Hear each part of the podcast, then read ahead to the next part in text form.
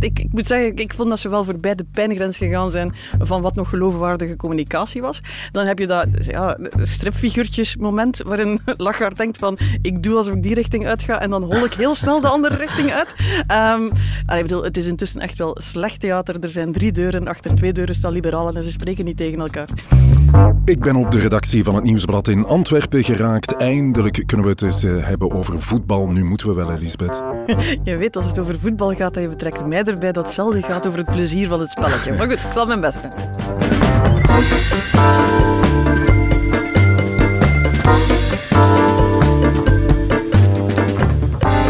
Lisbeth van Impe is de hoofdredacteur van het Nieuwsblad. Dag Lisbeth. Dag Jeroen. Hannes Hendricks is chef politiek. Dag Hannes. Hey, dag Jeroen. Ik ben Jeroen Roppe. Dit is de Actua-podcast van het Nieuwsblad. Het punt van Van Impe.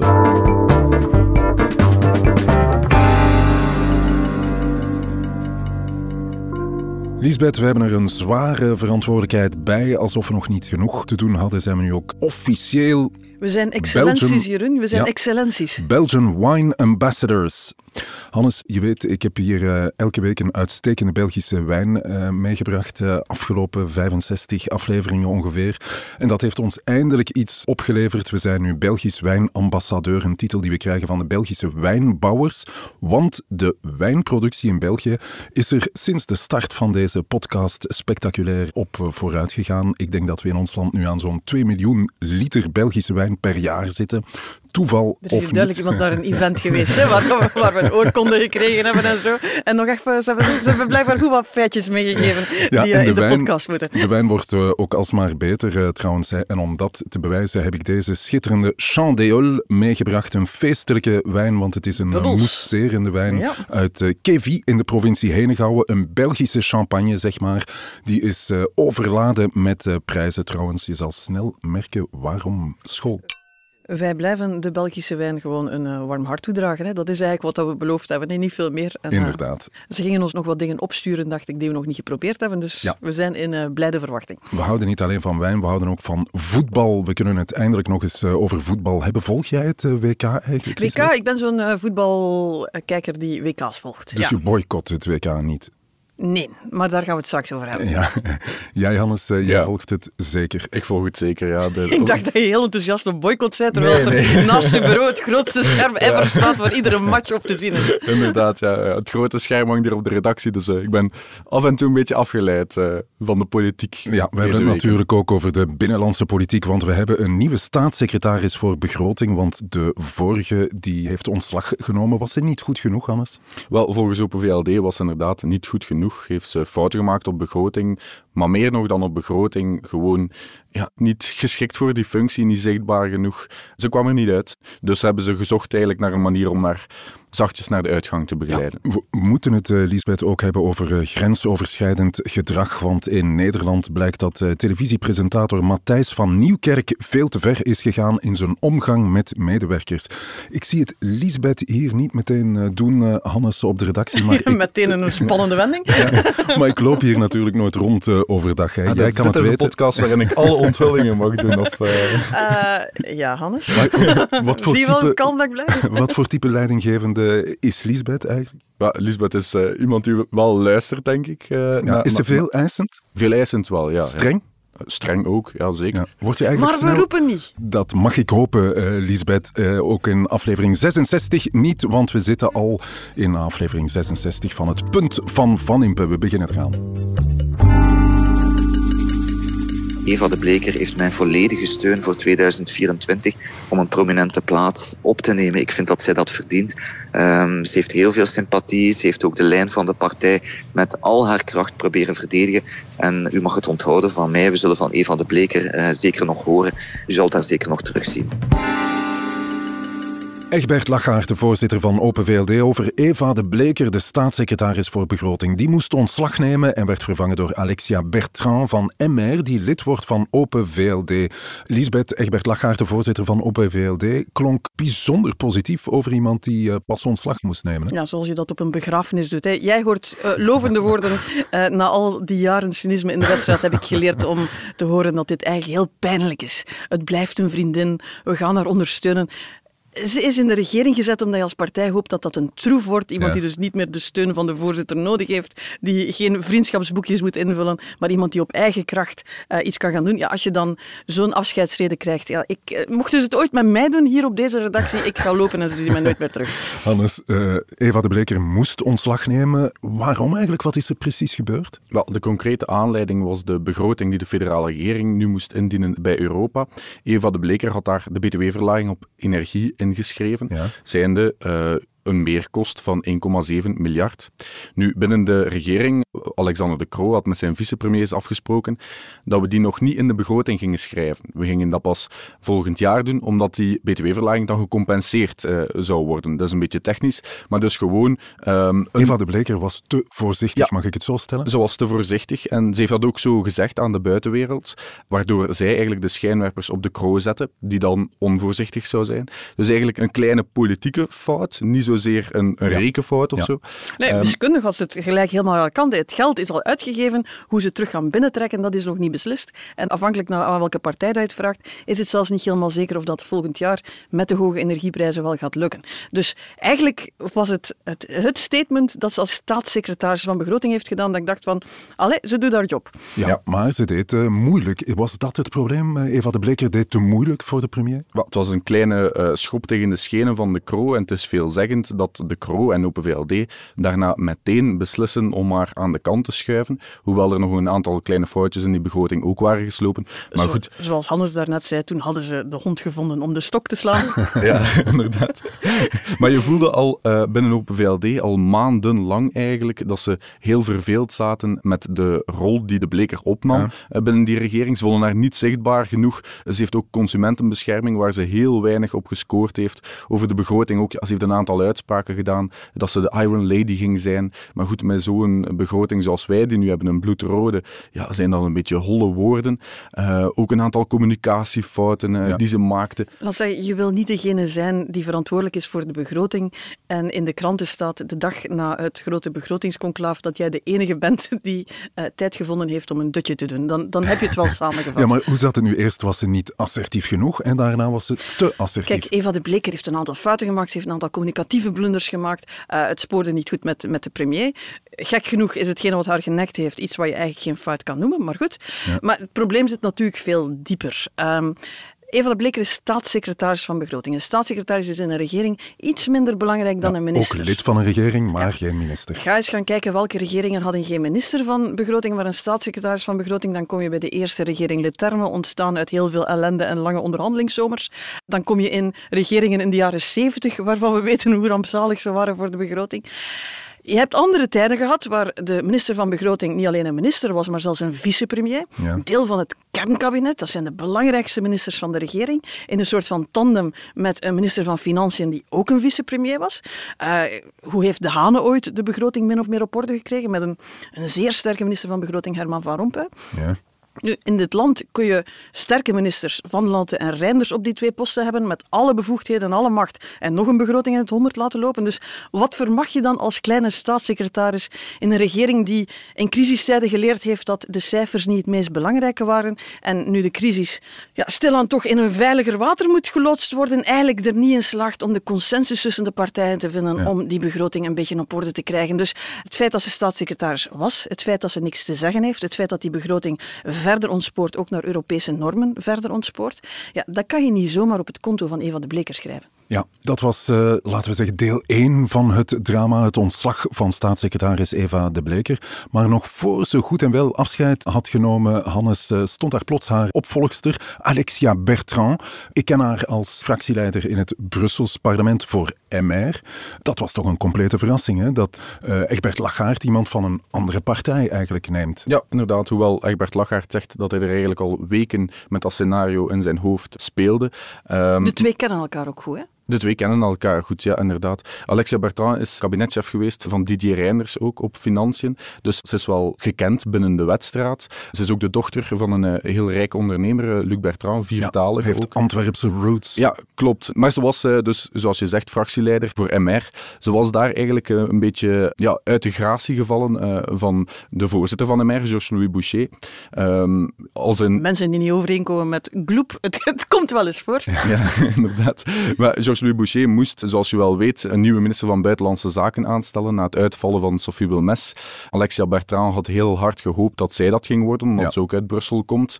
Maar Boucher heeft toen voor een wit konijn gekozen. Hadja Labib. Hadja Labib, klopt. En Alexia Bertrand was daar heel misnoegd over. Er gingen geruchten uit de ronde dat ze eigenlijk in, in een nieuwe beweging zou stappen, samen met uh, MR-boegbeeld Jean-Luc Crukke bijvoorbeeld, en, en, en, een andere partij oprichten. Met andere woorden, het is allemaal veel vriendschap en sympathie en, en noem maar op, maar er zit ook een stukje carrièreplanning in. Het dode spoor is vervangen door een potentieel mooie carrière bij Open VLD. Vonden ze dan niemand bij Open VLD, Lisbeth? Dat is het risico dat Egbert Lachart toch wel genomen heeft, waar je ook wel wat ongemak in de partij voelde. Het was Newspeak, hij was maar bezig van ja, dit is zo'n grote uitdaging, we hebben iemand nodig die heel veel kilometers op de teller heeft, die alle expertise meebrengt. Ja, als je dan met iemand komt die in Brussel wel gekend is, maar waar je in Vlaanderen nog wel eens even moet komen uitleggen. Eerlijk gezegd, kilometers op de teller, uh, veel ervaring, maturiteit in de regering brengen, dan moet je binnen die VLD-fractie eigenlijk gaan kijken naar Gwendoline Rutten. Dus is deze keer niet gebeld. Je brengt daar iemand binnen die jong en fris is, maar op het vlak van regeringswerk compleet onervaren. En je geeft die die gigantische uh, opdracht. En de rest van de partij zit te denken van, ja, en wij dan? Dat is wel een zeker risico. Ik begrijp dat ze op haar eerste partijbureau wel in indruk gemaakt heeft.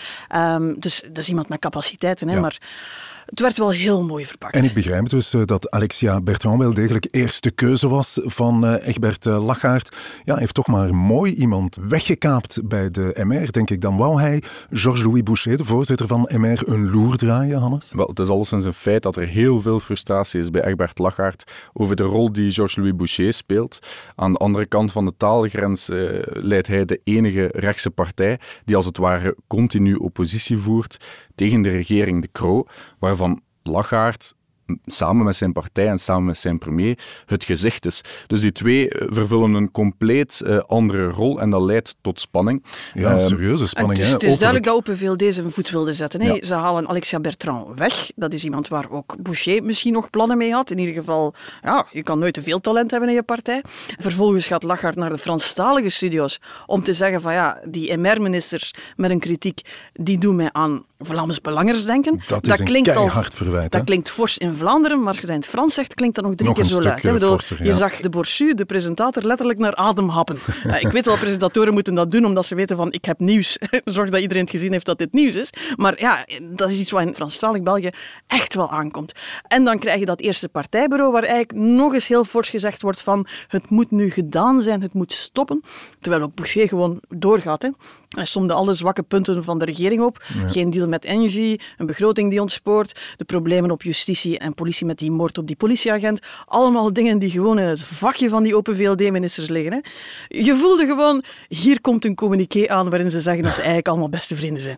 Een uh, open oorlog tussen MR en uh, Open VLD. Ik zag Egbert Lachaert daar ook uh, plots wegsprinten voor de televisiecamera's. Wat was daar aan de hand, Hannes? Wel, naar eigen zeggen had hij een afspraak met Paul Magnet, die achter het hoekje uh, zat. De voorzitter van PS. Klopt, wou hij de camera's daar niet mee naartoe nemen. Maar goed, ja, hij wou ook gewoon niet praten over de Maleise één, binnen zijn partij toch een beetje. En twee, ja, vooral de gebroken relatie met MR. Dus hij wou daar geen commentaar op geven.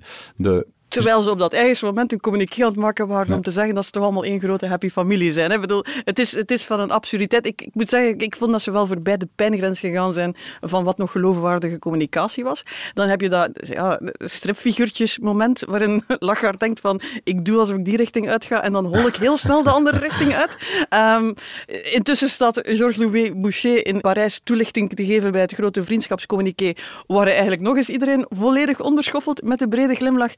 Allee, ik bedoel, het is intussen echt wel slecht theater. Er zijn drie deuren, achter twee deuren staan liberalen en ze spreken niet tegen elkaar. Ja, uh, het punt, Lisbeth, het eerste punt van Van Impe, het ontslag van staatssecretaris De Bleker. Welk punt kunnen we daarover maken? Wel, we hebben het natuurlijk heel hard gehad over de menselijke verhoudingen. Die zijn belangrijk in de wedstrijd. Maar ik denk wel dat we de essentie nog eens naar voren moeten brengen.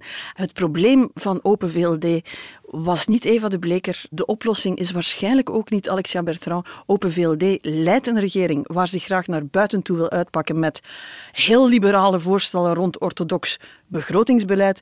Maar de rest van de regering ligt er niet wakker van. De premier wil er niet te veel mee lastiggevallen worden. Uh, het gaat er niet van komen in deze regering. En dan mag je staatssecretaris voor begroting gelijk wie zijn met gelijk hoeveel kilometers op de teller. Als een regering niet om eh, collectief beslist dat dat een belangrijke prioriteit is, dan komt het er niet van. Ja, dus dat is een duidelijke eerste punt. Het, het is een cosmetisch. De... Ja. Het is een cosmetische oplossing, geen fundamentele. En toont dat de begroting geen prioriteit is. En het ook niet zal worden. Het punt van Van Impe.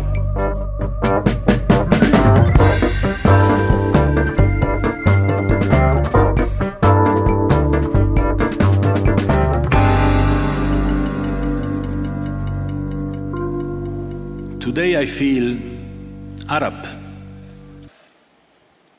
Today I feel African. Today I feel uh, gay. Gianni Infantino, de voorzitter van de FIFA, dat is de Wereldvoetbalbond en organisator ook van het WK voetbal. Voor de start van het WK hoorde je hem. Hij haalde fel uit naar de hypocrisie van het Westen, want veel mensen in Europa voelen zich heel ongemakkelijk bij uh, dit uh, WK voetbal. I feel gay, zei uh, Infantino. We weten allemaal dat ze in Qatar niet erg hoog oplopen met de LGBTQI+-gemeenschap. Um, ja, de vraag is, Lisbeth, moet je protesteren? Ja, ik wil nog even terug naar Infantino, want ja, je, je weet het, als een FIFA op het toneel komt, dan wil ik eerst daarop schieten, want mijn tenen zitten nog altijd in een krul als ik weer dit fragment hoor. Uh, dus de man presteert het om te zeggen dat Europa te veel de les leest, doet dat in een speech waar hij iedereen de les leest, claimt dan zomaar even van alles en nog wat tot op het schaamteloze af. Ik bedoel, allee, schaamteloosheid, uw voornaam is FIFA. Vind jij dat we een uh, statement moeten maken, Hannes? Wel, Jan Vertongen uh, vindt alleszins van niet. Hè. Ja, Jan Vertongen, de meest ervaren rode wel, duivel. Hij vindt eigenlijk van wel, maar is een beetje te bang geworden. Ja, hij is bang geworden. Ik ga zegt... niks zeggen, want ik ben uh, bang voor een sanctie, ja. zei hij. Ja, zelfs niet. Hij is zelfs niet bang van het dragen van armband, uh, wat we eerst gingen doen en uiteindelijk is afgevoerd. Hij was inderdaad zelfs bang om er iets over te zeggen. Wat ik persoonlijk een heel raar signaal Ja, we verschilden een beetje van mening. Ik zat er naar te kijken en dacht van, dat is vooral straf. En jij zei van, allee. Ja, ik, ik had zoiets van, waarvoor ben je eigenlijk bang? De maximumstraf die hij kan krijgen is een sportieve straf, denk ja, ik dan. die wil je als voetballer natuurlijk niet oplopen. Hè? Nee, klopt. Maar als je mening je dan toch zo dierbaar is, dan zou ik dat met plezier Prioriteiten doen. in het leven. Eerlijk gezegd, ik ben nooit een grote voorstander van dat soort um, ja, heel beetje lege, heel symbolische uh, gebaren. Het ging over het dragen van een aanvoerdersband met wat regenboogkleuren en de One Love boodschap. Ik bedoel, zelfs op een redactievergadering van Bond zonder naam zouden ze waarschijnlijk denken, misschien moet het wat specifieker, misschien moeten we toch een duidelijker punt maken dan dat. Maar ja, net omdat die FIFA daarover in een, in een kramp schiet, daar blijkbaar draconische maatregelen dreigt af te kondigen als iemand nog maar een allusie zou maken op het bestaan van holibies en hun uh, aanvaardbaarheid in de samenleving, een punt dat in Qatar nu eenmaal moeilijk ligt, uh, ja, dan denk ik, dan moet je toch iets beters gaan verzinnen dan ik ben bang. Het is net omdat zo'n braaf symbool is. Dat, het, het is geen, geen eis dat er straks holibi-adoptie mogelijk is in Qatar. Het is geen politieke eisenbundel. Hè. Het is het statement dat als je een WK, een evenement voor heel de wereld organiseert, dat je dan ook moet bereid zijn om het bestaansrecht van die hele wereldbevolking te erkennen.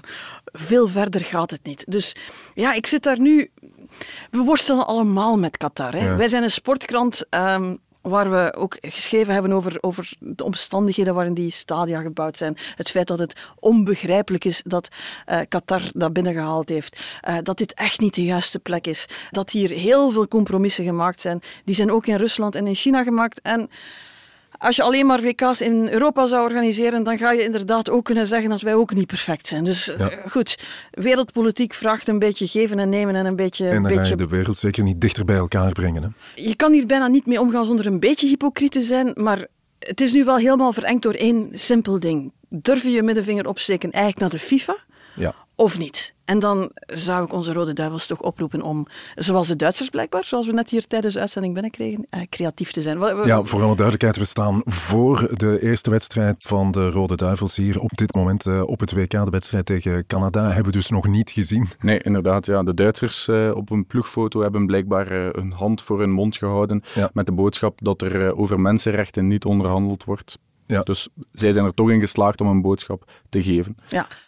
En die hele bredere context, je gaat, je gaat niks kunnen doen waardoor een Qatarees nu plots denkt van ah, vandaag is het veilig geworden om uit de kast te komen, want de Rode Duivels of de Duitsers hebben iets gedaan. Je gaat de wereld niet veranderen. Je kan alleen... Ja, Voetbal, ik vind het een beetje gek. We zitten nu de hele tijd naar een discussie te luisteren waar gezegd wordt van laat die voetballers gewoon voetballen. En ik snap dat die dat vooral willen doen. En laat de supporters supporteren. En ook de supporters kunnen Ja, dit niet dat is oplossen. wat eh, Georges-Louis Boucher, daar heb je hem weer, eh, in het nieuwsblad zegt. Hij zegt, eh, doe alsjeblieft niet hypocriet en laat die ethische cinema maar achterwege. Ja, maar dan denk ik van, Georges-Louis Boucher is daar een beetje in hetzelfde bedje ziek als de FIFA. Dat zijn de eerste om, als het over voetbal gaat, proberen ze een fiscaal voordeeltje voor het voetbal af te schaffen. Wat zegt Boucher direct van de maatschappelijke rol van het, van het voetbal? Voetbal verbindt mensen. Ook de FIFA loopt ervan over. Hè? Vo- voetbal verbindt de wereld. Voetbal zorgt ervoor dat er in Qatar nu betere arbeids... ja. Dus ze maken zelf constant de koppeling, maar als iemand dan er iets tegenover wil Ja. stellen en zeggen van oké, laat ons dan dit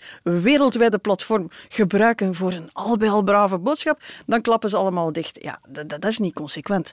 Dus Boucher zegt van we gaan de, de politiek eruit houden, maar stuurt straks wel zijn eigen buitenlandminister, is er heel trots op dat ze naar Qatar mag. Ja, Die gaat daar dan weer een moeilijke boodschap, zo'n moedige boodschap gaan brengen van foei foei wat jullie hier allemaal gedaan hebben.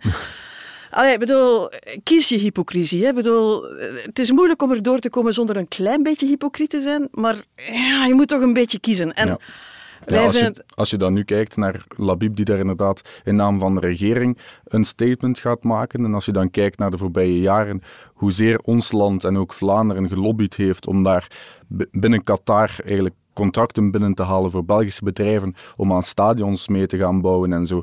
Ook dat Ja, is dat is een hele moeilijke spreidstand hè, van eh, de regering. Eh, laten we het eerste punt maken, of het tweede punt liever van vandaag, eh, Lisbeth. Hypocriet zijn we allemaal, dat is wat, eh, wat je we zegt. waren daarnet, we waren nog gediscussieerd, hè, ook hier, hè, van moeten we gaan, moeten we het verslaan, moeten de rode duivels gaan. Uh, jij zei op Pabben, hè, van ja, misschien moeten we dan gewoon niet gaan.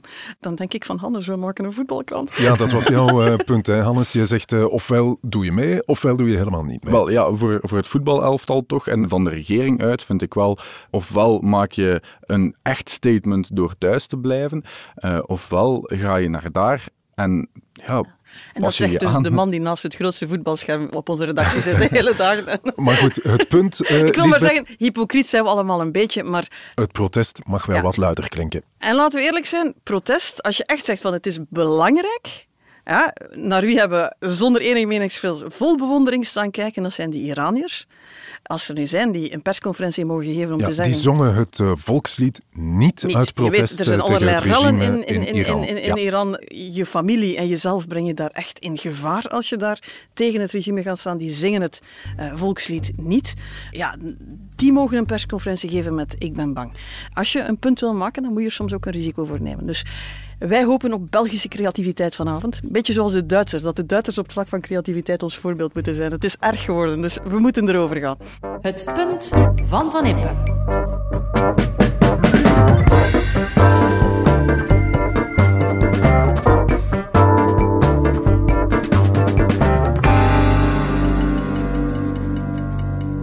Ja, we gingen het nog hebben over Matthijs van Nieuwkerk. Dat is een uh, Nederlands televisiepresentator die bekend is uh, van het uh, dagelijkse programma, een talkshow in Nederland. De wereld draait door. Vijftien jaar lang elke dag, elke werkdag op de Nederlandse televisie en gigantische kijkcijfers. Ja, en, een, een, fenomeen. Blijkbaar heeft hij in heel die periode zich echt wel misdragen tegenover zijn medewerker.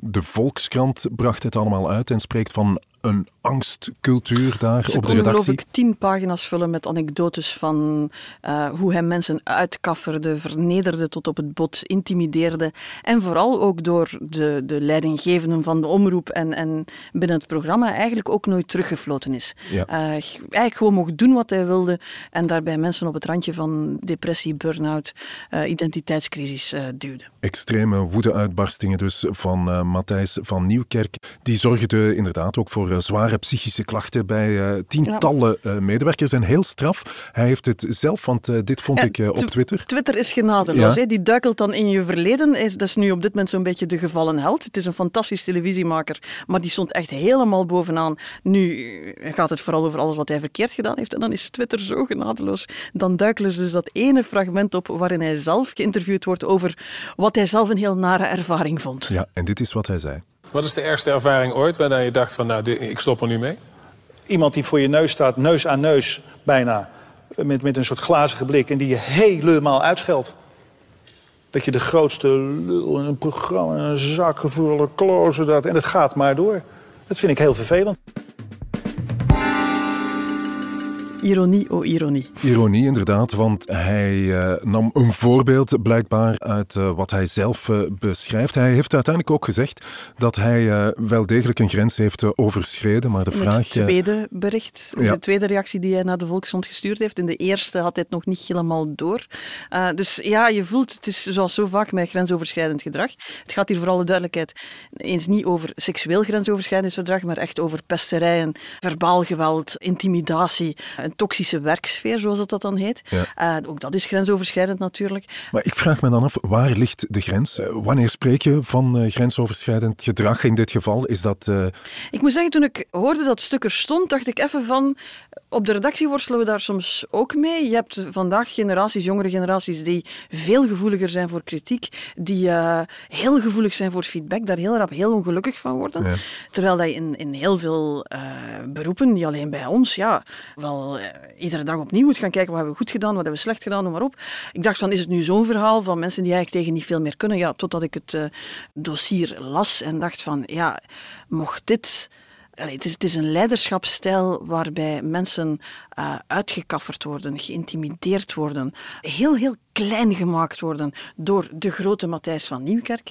Ja, het is een leiderschapsstijl waar ik zelf zeer beschaamd zou over zijn. Ja, want ik vroeg mij uh, af, Hannes, is dit nu typisch voor de media? Want we weten, in de media is er zoiets als deadline stress. Dat was zo bij uh, dat dagelijkse programma op de Nederlandse televisie. Dat is natuurlijk hier ook, waar je continu moet publiceren natuurlijk. Kan jij je iets voorstellen? Wel, als ik sommige verhalen hoor van oudere collega's en ook uh, van Lisbeth getuigenissen van vroeger, dan denk ik dat er zeker wel gevallen zijn geweest, ook in het Vlaamse medialandschap, waar er zo'n cultuur was en, en waar een hoofdredacteur effectief... Uh, met dingen smeet. Met ding, ja, inderdaad. Of riep.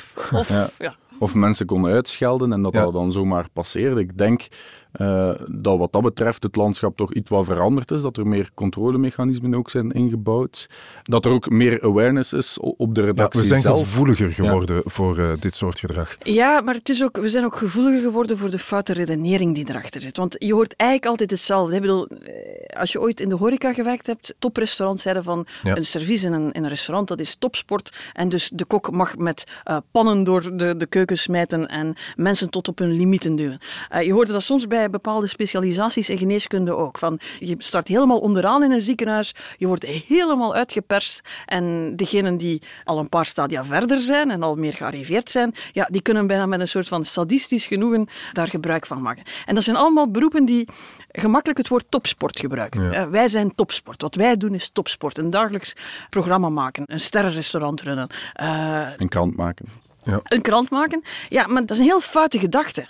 Uh, we zijn te perfectionistisch. Dat is iets wat je nu bij Matthijs van Nieuwkerk ook hoort. Hè? Ja. Je bent te perfectionistisch. Ja, dus, dus in alles, behalve je personeelsmanagement blijkbaar. Daar heb je dan geen enkele lat. Daar ga je onder elke lat die je zou kunnen leggen. Want allee, perfectionisme gaat niet alleen over wat je maakt, maar ook hoe je met elkaar omgaat. En oké, okay, ja goed, iedereen maakt er al fouten. We maken sowieso al fouten. Hè? Ik bedoel, ook hier gaan er wel mensen kunnen zeggen wat we allemaal verkeerd doen. Maar cultiveren dat je zo over al die grenzen mag gaan omdat het eindproduct wat je maakt goed is. En zelfs doen dat als je niet zou schelden en slaan en intimideren, dat het eindproduct slechter zou worden. Ja, eerlijk gezegd, daar heb ik toch echt wel een groot ja, probleem mee. Het is die mythe die stilaan toch aan het sneuvelen is. Ja, dat hoeven we niet meer te pikken. Het is dat wat uh, leeft, hè? Uh, ja, en het hangt ook vast met zo die ene die daar helemaal op een piedestal van boven staat, hè, Matthijs van Nieuwkerk kan ongelooflijk veel en brengt een aantal dingen samen als presentator die je niet vaak ziet. Maar dat kan ook maar omdat hij door een heel goede redactie gestut ja. wordt en gevoed wordt. En, en dat is heel veel dingen zijn groepswerk. En als je het omkeert en zegt het is die ene daar van boven die alles kan en dus ook alles mag, het is dan dat je in heel gevaarlijk water terechtkomt. Is jouw punt, uh, Lisbeth, uh, woedeuitbarstingen, vernederingen, uh, dat is gewoon niet meer van deze tijd, dat pikken we niet meer? Nee, je moet kritiek kunnen geven, je moet harde kritiek kunnen geven, je moet harde zelfkritiek kunnen geven. Daar moeten we allemaal blijven tegen kunnen. Maar roepen dieren denken dat mensen beter worden omdat ze doodsben- doodsbang zijn. Eh, dat is echt een mythe uit het verleden die nu echt wel bij het groothuis wel mag. Oké, ik begrijp eh, intussen trouwens eh, perfect waarom deze Champ d'Eole zo vaak in de prijzen is gevallen. Het is een geweldige mousserende Ik kwaliteitswijn. hoop dat het dus een wijngaard is waar ze dus niet tegen elkaar roepen en ze elkaar intimideren, want hij is inderdaad zeer goed. Ik geloof dat dat kan zonder tegen Ja, elkaar te ik roepen. zeg mousserende kwaliteitswijn, want dat is de officiële naam voor champagne in ons land. Soms heb je ook de naam Crémant de Wallonie, maar dit is dus een mousserende kwaliteitswijn. Dat eh, bekt eh, iets minder goed. Ze zoeken trouwens nog een goede naam voor eh, Belgische champagne. Mocht je suggesties hebben, laat het zeker weten. Oké, dankjewel voor de punten, Lisbeth, Hannes, en tot het volgende punt van Van Impe. Dit was het Punt van Van Impe, een podcast van het Nieuwsblad. Je hoorde de stemmen van de hoofdredacteur Lisbeth Van Impe en van de chef politiek Hannes Hendricks. Dank aan de VRT voor de audioquotes, aan Pieter Schevers voor de muziek en aan Pieter Santens van House of Media voor de montage. De productie was in handen van eh, Bert Heijvaart en Joni Keimolen.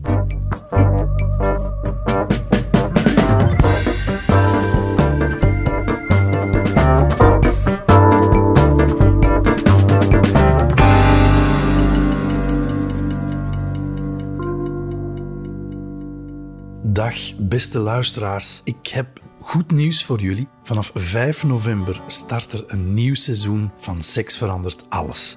Rika vertelt ons dan opnieuw verhalen uit haar praktijk. En ik ga natuurlijk nog niet alles verklappen, maar eh, ik kan je alvast wel zeggen dat het zal gaan over bruisende liefde, Wij zitten nog in een relatiefase waarbij dat er niks tegen onze goesting is. over wipkwartiertjes, Allee, we hebben dan nu nog twee uur, dus dat is dan nog tijd om te lunchen en dan gaan we piemelen. over bedrog Hij heeft mij zo hard belogen, echt. Ja, voor de tweede keer. en over nog zoveel meer. Onze Love Voices zijn er ook weer bij. Zij vertellen natuurlijk hun eigen persoonlijke ervaringen. En de fantastische muziek is weer van onze monteurs Pieter Schrevens en Benjamin Hertogs. Nog heel even geduld dus en daarna is er elke zaterdag een aflevering tot aan het einde van het jaar. Was het zo eh, een beetje goed, Rika? Je hebt dat heel goed gezegd, Johan. Ah, altijd fijn als je partner er ook van genoten heeft.